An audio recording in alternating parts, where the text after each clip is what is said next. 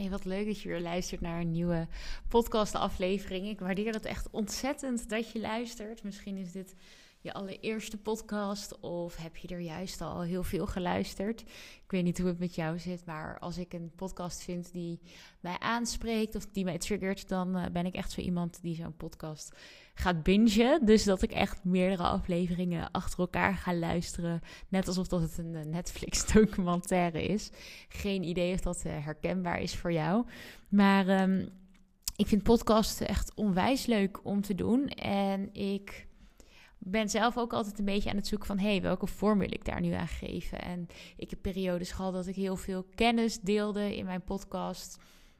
Ik heb periodes gedeeld, gehad dat ik heel veel visie deelde uh, in mijn podcast. En ik denk dat het gewoon een mooie mix daarvan moet zijn. Maar ik ging ook even bij mezelf te raden van... hey, wat vind ik dan zelf ook leuk en aantrekkelijk en inspirerend om te horen? En uh, waar luister ik zelf graag naar? En ik moest wel lachen, want eigenlijk is het bij mij echt een beetje in wat voor mood ik ben. Dus wil ik graag iets leren of wil ik eventjes geprikkeld worden en op scherp gezet worden door iemands visie.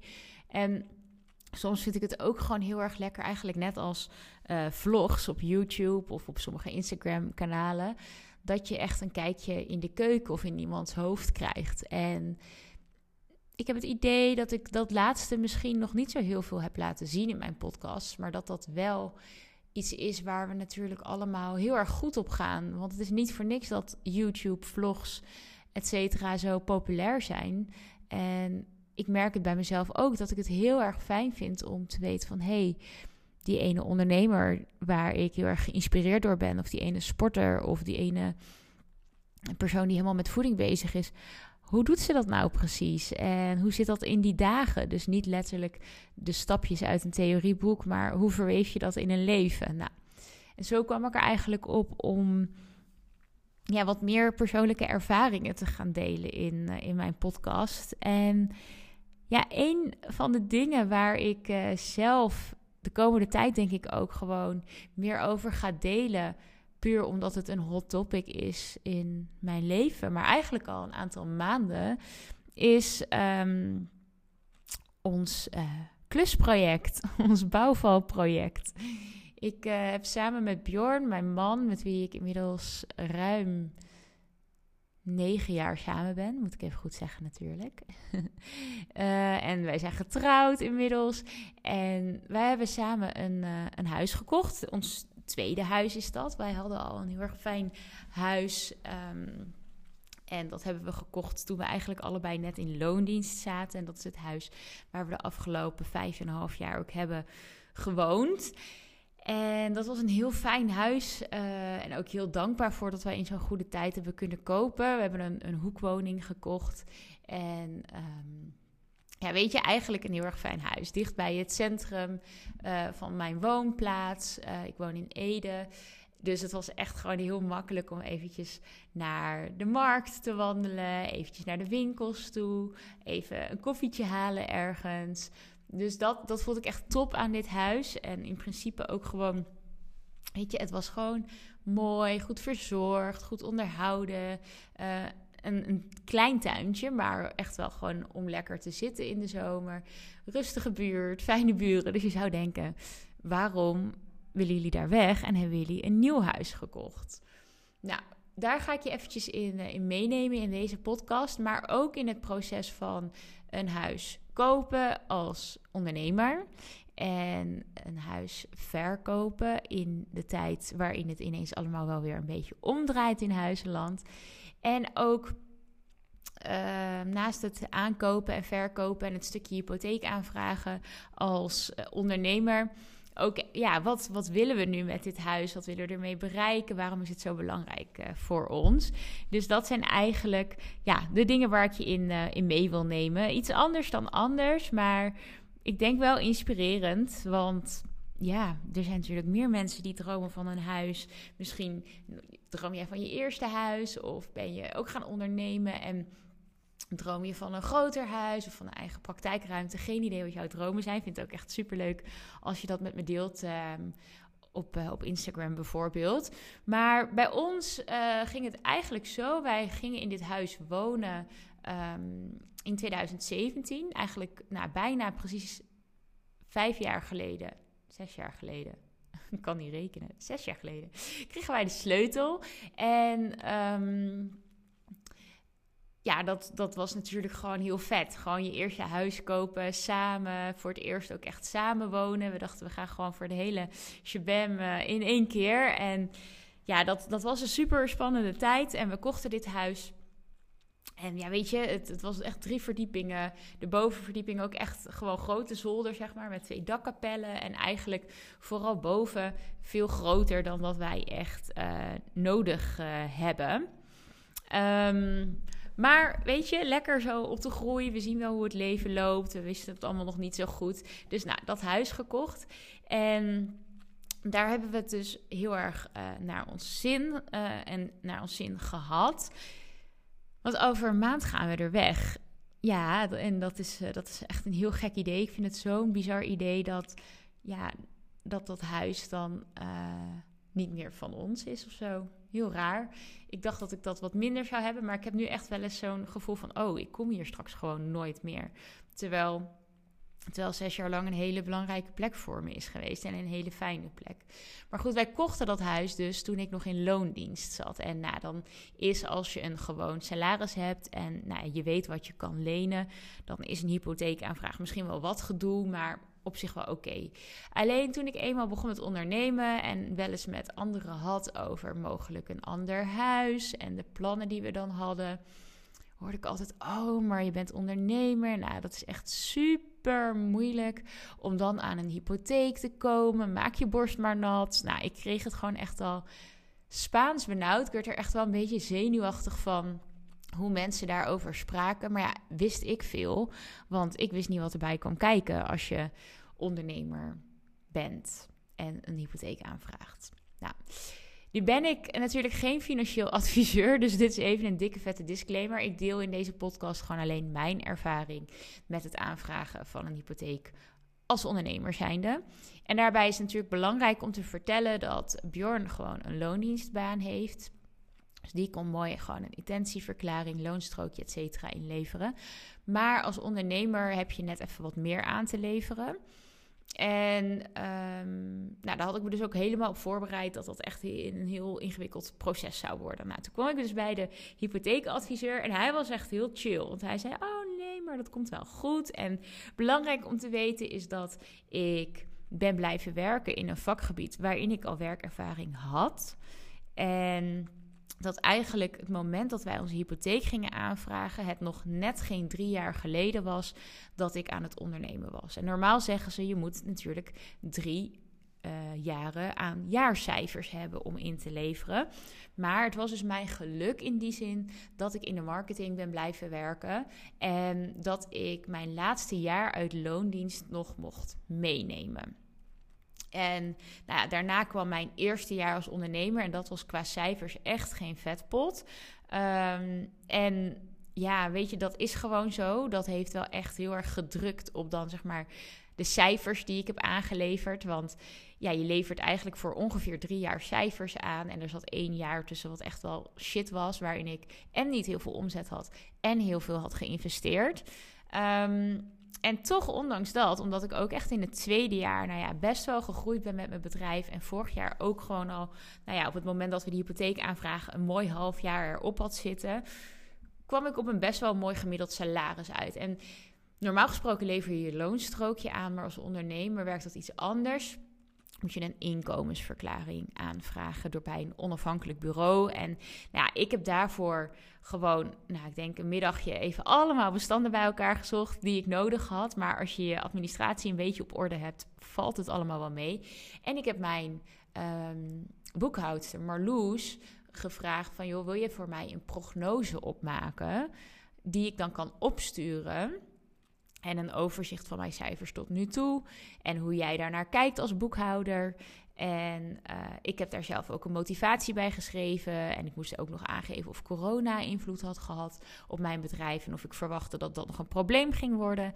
Nou, dat allemaal verzameld, opgestuurd naar die inkomensverklaring. Uh, persoon, om het zo maar even te zeggen.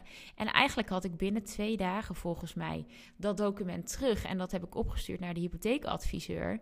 En op een paar screenshots uit mijn boekhoudprogramma na was dat het wel zo'n beetje. Dus ja, het is wat meer werk dan wanneer je in loondienst zit. Maar als je gewoon al een, ja, een prima omzet draait, een, een leuk salaris uit je bedrijf haalt, laat je dan echt niet gek maken. Ga gewoon naar een hypotheekadviseur die jou kan vertellen wat je nou ja, wat hij verwacht dat uit die inkomensverklaring zal komen als jouw gemiddelde salaris.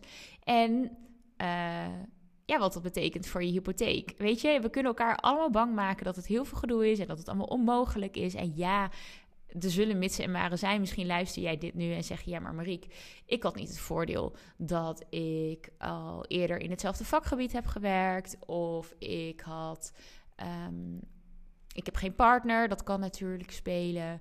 Of ik heb nog geen drie boekjaren. Nou, dat kan natuurlijk allemaal. Maar ik wil eigenlijk gewoon een soort van positieve message sturen. Dat het dus niet zo onmogelijk is als dat het lijkt. Of door sommige mensen ja, doet voorkomen. Sommige mensen doen echt alsof het kansloos is om als ondernemer een hypotheek aan te vragen. En ik heb echt gewoon volwassen mensen met meer ondernemerservaring dan ik gesproken, die mij hier echt gewoon nou, ongeveer de stuipen op het lijf uh, hebben gejaagd. En het viel allemaal best wel mee, in mijn geval. Dus nou, die message wou ik je sowieso eventjes meegeven. Dus het was wel even spannend, maar uiteindelijk ja, kwam het gewoon goed. En kwam datgene, dat advies wat de hypotheekadviseur ons vooraf had gezegd, dat kwam ook helemaal goed uit. Dus wij gingen echt wel bieden op huizen met, ja, op basis van zijn berekeningen. We hebben een aantal huizen bezichtigd en op meerdere huizen geboden. En we zijn het ook een aantal keer niet geworden doordat we echt flink overboden werden. Of dat we zelf hadden onderboden, omdat we wisten van hé, hey, we willen dit huis wel, maar alleen als er nog x budget overblijft om er ook echt iets van te maken. Want de huizen waar wij naar gingen kijken, dat was niet mis. Veel echt oudere huizen, best wel uitgewoond, uitgeleefd. Of mensen die daar al 30 jaar woonden, maar er de laatste 10 jaar niks meer aan hebben gedaan. Dus eh, nou, dan is het natuurlijk slim om eh, even te kijken hoe je met, met dat budget wilt omgaan.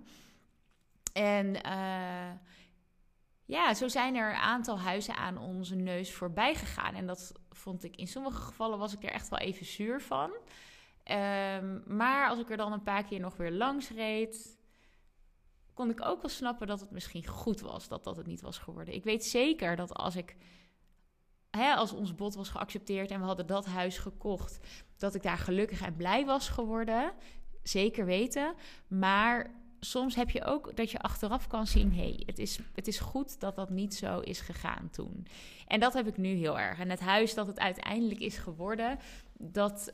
Um, hebben we gekocht en daarvan hebben we op 1 november de sleutel gekregen. Nou, dat hele klusavontuur, want echt, we trekken alles uit dat huis. Maar dat hele klusavontuur, dat kun je volgen ook op Instagram.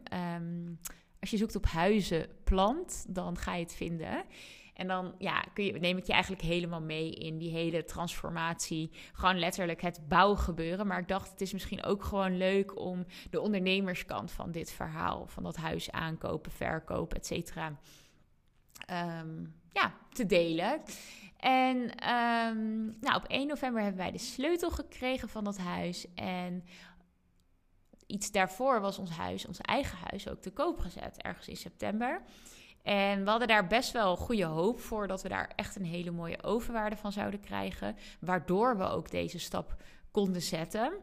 Mm, op, deze, op dit punt in ons leven. Want we, ja, we beseffen ons wel dat we echt wel in een bijzondere positie zitten. En dat we veel huizen hebben gekocht. Echt wel een mooi stukje grond. Niet dat het op het platteland ligt, maar wel echt gewoon een, goede tuin. En dat er echt een flinke verbouwing uh, aankomt. En dat dat niet mogelijk was geweest als wij niet al eerder in een huis hadden geïnvesteerd. Mm, en daar ben ik onszelf wel heel erg dankbaar voor dat wij in 2016 huizen zijn gaan kijken en misschien uh, ook wel wat wensen hebben losgelaten. Weet je, misschien wilden we wel een grotere tuin of iets karakteristieker huis, want dit was echt gewoon een standaard hoekwoning waar we nu wonen. Maar ja, doordat we die concessie hebben gedaan, en uh, gewoon op de markt zijn gekomen, pakken we nu een hele mooie overwaarde en kunnen we de stap maken naar, nou ja, wat ik wel durf te zeggen, ons droomhuis voor nu. En ik zie best wel veel mensen om me heen die gelijk voor picture perfect willen gaan. En dat geldt, ja, zo'n mooie parallel aan het ondernemerschap, denk ik. Denk dat je soms ook tevreden moet zijn met de tussenstapjes. En dat die je heel veel leren, of heel veel brengen, of heel veel opleveren. Waardoor je later de grotere stap kan maken. Dus nou ja, klein bruggetje naar het ondernemerschap. Maar daar geloof ik wel heel erg in. En zo is het dus ook bij ons gegaan. Dus wij hebben niet een volledige hypotheek op dit huis, maar we nemen vooral ook een deel overwaarde mee. En uh, dat maakt dus dat we deze stap nu kunnen zetten. Maar goed, ons huis ging dus op de markt met een bepaald, uh, bepaalde vraagprijs. En de markt sloeg echt ineens om. Als je een beetje bezig bent met een huis kijken, kopen, hypotheek gebeuren, dan zul je het wel weten. Maar die hypotheek ging echt van 2,5 naar 5 of zo in no time. En de makelaar zei echt, we weten niet wat ons overkomt. We gaan echt van nou ja, gelijk 20 aanmeldingen voor een bezichtiging voor een huis naar als je geluk hebt, één. En dat was wel echt even een domper. Um, niet dat we gelijk de moed lieten zakken, maar het bracht natuurlijk wel iets spanning met zich mee. Van hey, gaan we nog wel de prijs krijgen die we graag wilden? We hadden een soort van minimum in ons hoofd en daar waren we wel fors boven gaan zitten. Zo van, nou ja, weet je, wat de gek ervoor geeft. Als we het krijgen, betekent dat heel veel moois voor ons. Um, verbouwing, maar we moeten minimaal bedrag X hebben, omdat we die overwaarde al hebben opgenomen. Ja, en toen was het echt wel een tijdje even stil en mensen allemaal vragen van, hey, heb je je huis al verkocht? Want, nou ja, weet je, een jaar geleden was het best normaal dat je huis binnen een paar weken verkocht was. Nou, ik werd echt helemaal gek van die vraag, want ja, die markt is gewoon zo veranderd en zeker in het segment waar wij in zitten was het gewoon echt omgeslagen. Dus ik vond het echt wel een spannende periode. Ik had wel heel veel vertrouwen dat het goed zou komen. Maar ja, voor ons god ook gewoon dat vanaf 1 november de dubbele hypotheek ging lopen. En dat drukt natuurlijk best wel. Als je twee hypotheken hebt en twee keer je vaste lasten, dat is een duur geintje. En dat geld stop je natuurlijk liever in de verbouwing. Maar gelukkig is ons huis inmiddels verkocht en gaan we ook al super snel overdragen, namelijk in februari. En dat begin, betekent dat we in februari ook echt in een bouwval gaan wonen. Um, want dan is de aannemer beneden nog bezig en gaan wij alvast boven wonen. En boven is het niet mooi, maar je kan er leven en we gaan het er gewoon mee doen. We kunnen altijd nog in onze zelf omgebouwde camper gaan slapen en leven als het uh, in huis toch niet zo goed te doen is als dat we nu denken. Maar dat is wel echt de concessie die we maken. Wij willen gewoon heel graag ons droomhuis uh, realiseren. En we maken dan nu liever concessies in hoe lang het duurt dan uh, in de uitkomst. En ja, dat, dat is denk ik een mooie les in het leven. Eh, zeg maar net als het aankopen van ons eerste huis en ook nu. Soms heb je even bepaalde concessies te doen om uiteindelijk te krijgen wat je heel erg graag wilt. En dat is denk ik ook wel de belangrijkste boodschap die ik met je mee wil geven. Van hey, het is mogelijk om een huis te kopen als ondernemer. En soms helpt het om een concessie te doen om dichter bij je doel te komen. En ja, ik hoop dat je het leuk vindt dat ik even een, een kijkje heb gegeven in, in hoe dat is gegaan. En ja, waarom wilden wij nu eigenlijk uiteindelijk verhuizen? Uh, meerdere redenen. En ik spreek nu voornamelijk even voor mezelf. Maar wij zijn allebei heel erg van het koken, etentjes geven. We zitten bij een kookclub en dan komt er acht man eten. En nu was dat altijd wel gewoon, ja, weet je, stond, stonden wij in de keuken, niet echt verbinding met onze gasten. De keuken was echt prima, super dankbaar ook voor dit huis. Maar um, ja, het was niet echt een, een droom huis met een leefkeuken waar wij heel blij van worden. En alle ruimte die we op zolder hadden. Ja, ik kwam gewoon soms weken niet op zolder. Behalve om de was te doen. Dus die ruimte die werd daar echt totaal verspild. Terwijl er beneden best wat ruimte bij zou mogen voor die fijne keuken. En nou ja, wat meer een, een privé woonkamer en dan een soort leefkeuken waar je ook met je vrienden en zo kan zijn. En daarnaast wilden we allebei heel graag een huis met iets meer sfeer, iets meer karakter. Ik vond het fijn als er wat minder uh, buren omheen zouden zitten. Want nu hebben wij echt wel alle achtertuintjes aan elkaar zitten. En dat is straks ook voorbij. We kijken we eigenlijk nog maar uit op één huis. Uh, wat meer groen, wat meer ruimte en meer licht ook zeker. Er komt een hele mooie uitbouw met veel glas. Waardoor we ook heel veel licht in ons huis en in, in onze keuken gaan krijgen. Daar kijk ik echt enorm naar uit. Want ja, als ondernemer, ik, ik heb een kantoor, maar ik werk het meest van de tijd thuis. En ja, dan vind ik het toch wel fijn als dat echt een fijne, lichte, rustige plek is. En dat had ik nu niet altijd. Voelde me soms best wel een beetje opgesloten. En ik krijg een mooi kantoor in huis. Dus geen slaapkamer als kantoor meer. Maar echt een kantoor op de begane grond. En daar kijk ik ook heel erg naar uit. En verder gewoon echt als een soort van uitdaging en klusproject. Ik weet dat sommige mensen daar echt niet aan moeten denken. Maar ja, wij houden heel erg van creëren, van samen een project hebben, aan dingen bouwen. Zoals ik al zei, we hebben een busje omgebouwd naar camper. Ook dat kun je volgen op Instagram, Plants in a Van, ehm, op, uh, op Instagram. dat hebben we helemaal stap voor stap gedaan. En weet je, er waren echt heel veel dingen waarvan we niet wisten hoe het moest. Dat is net als in het ondernemerschap en nu ook weer met het huis. Geen idee, sommige dingen, maar we gaan wel veel zelf doen. Gewoon om het budget technisch ook haalbaar te maken. Dus wat naar de specialist moet, moet naar de specialist. Maar wat uh, we zelf kunnen doen, gaan we zelf doen. En weet je, ik denk maar zo, als zes YouTube-video's het met elkaar eens zijn over iets, dan zal het wel kloppen. En dan gaan wij het gewoon nadoen. En daarmee hebben wij een hele mooie bus, een hele fijne camper gebouwd, die ons hele fijne reis heeft gebracht. Het heeft ons heel veel geleerd over onszelf, over onze samenwerking en ook gewoon technisch gezien. En zo zie ik het huis ook weer. Dus het wordt echt wel een, een denk ik, een pittige tijd. En voor mij ook een interessante uitdaging om te kijken van, hey, hoe vindt dat dan allemaal plaats naast mijn bedrijf? Maar ik ben heel erg benieuwd of je het leuk vindt als ik je soms eventjes meeneem in hoe dat dan werkt samen met mijn bedrijf, zoals nu met de hypotheek, maar misschien ook in het omgaan met mijn tijd, het verdelen van mijn tijd. Geen idee. Ik ben heel erg benieuwd welke vragen jij daarover hebt. Stel ze gerust eventjes via een DM op Instagram. Zoek me even op mariekeplant.nl. Uh, ja, laten we hier gewoon even lekker over verder kletsen. Vind ik alleen maar leuk ook hoe jij uh, dit, uh, dit ziet. Zoals ik al zei, ik ben geen hypotheekadviseur, dus daar geef ik geen advies over, maar ik heb mijn met je gedeeld. En um, ja, ik hoop dat het leerzaam was, dat het je een extra kijkje in de keuken bij mij heeft gegeven. En uh, heel graag tot een volgende podcast.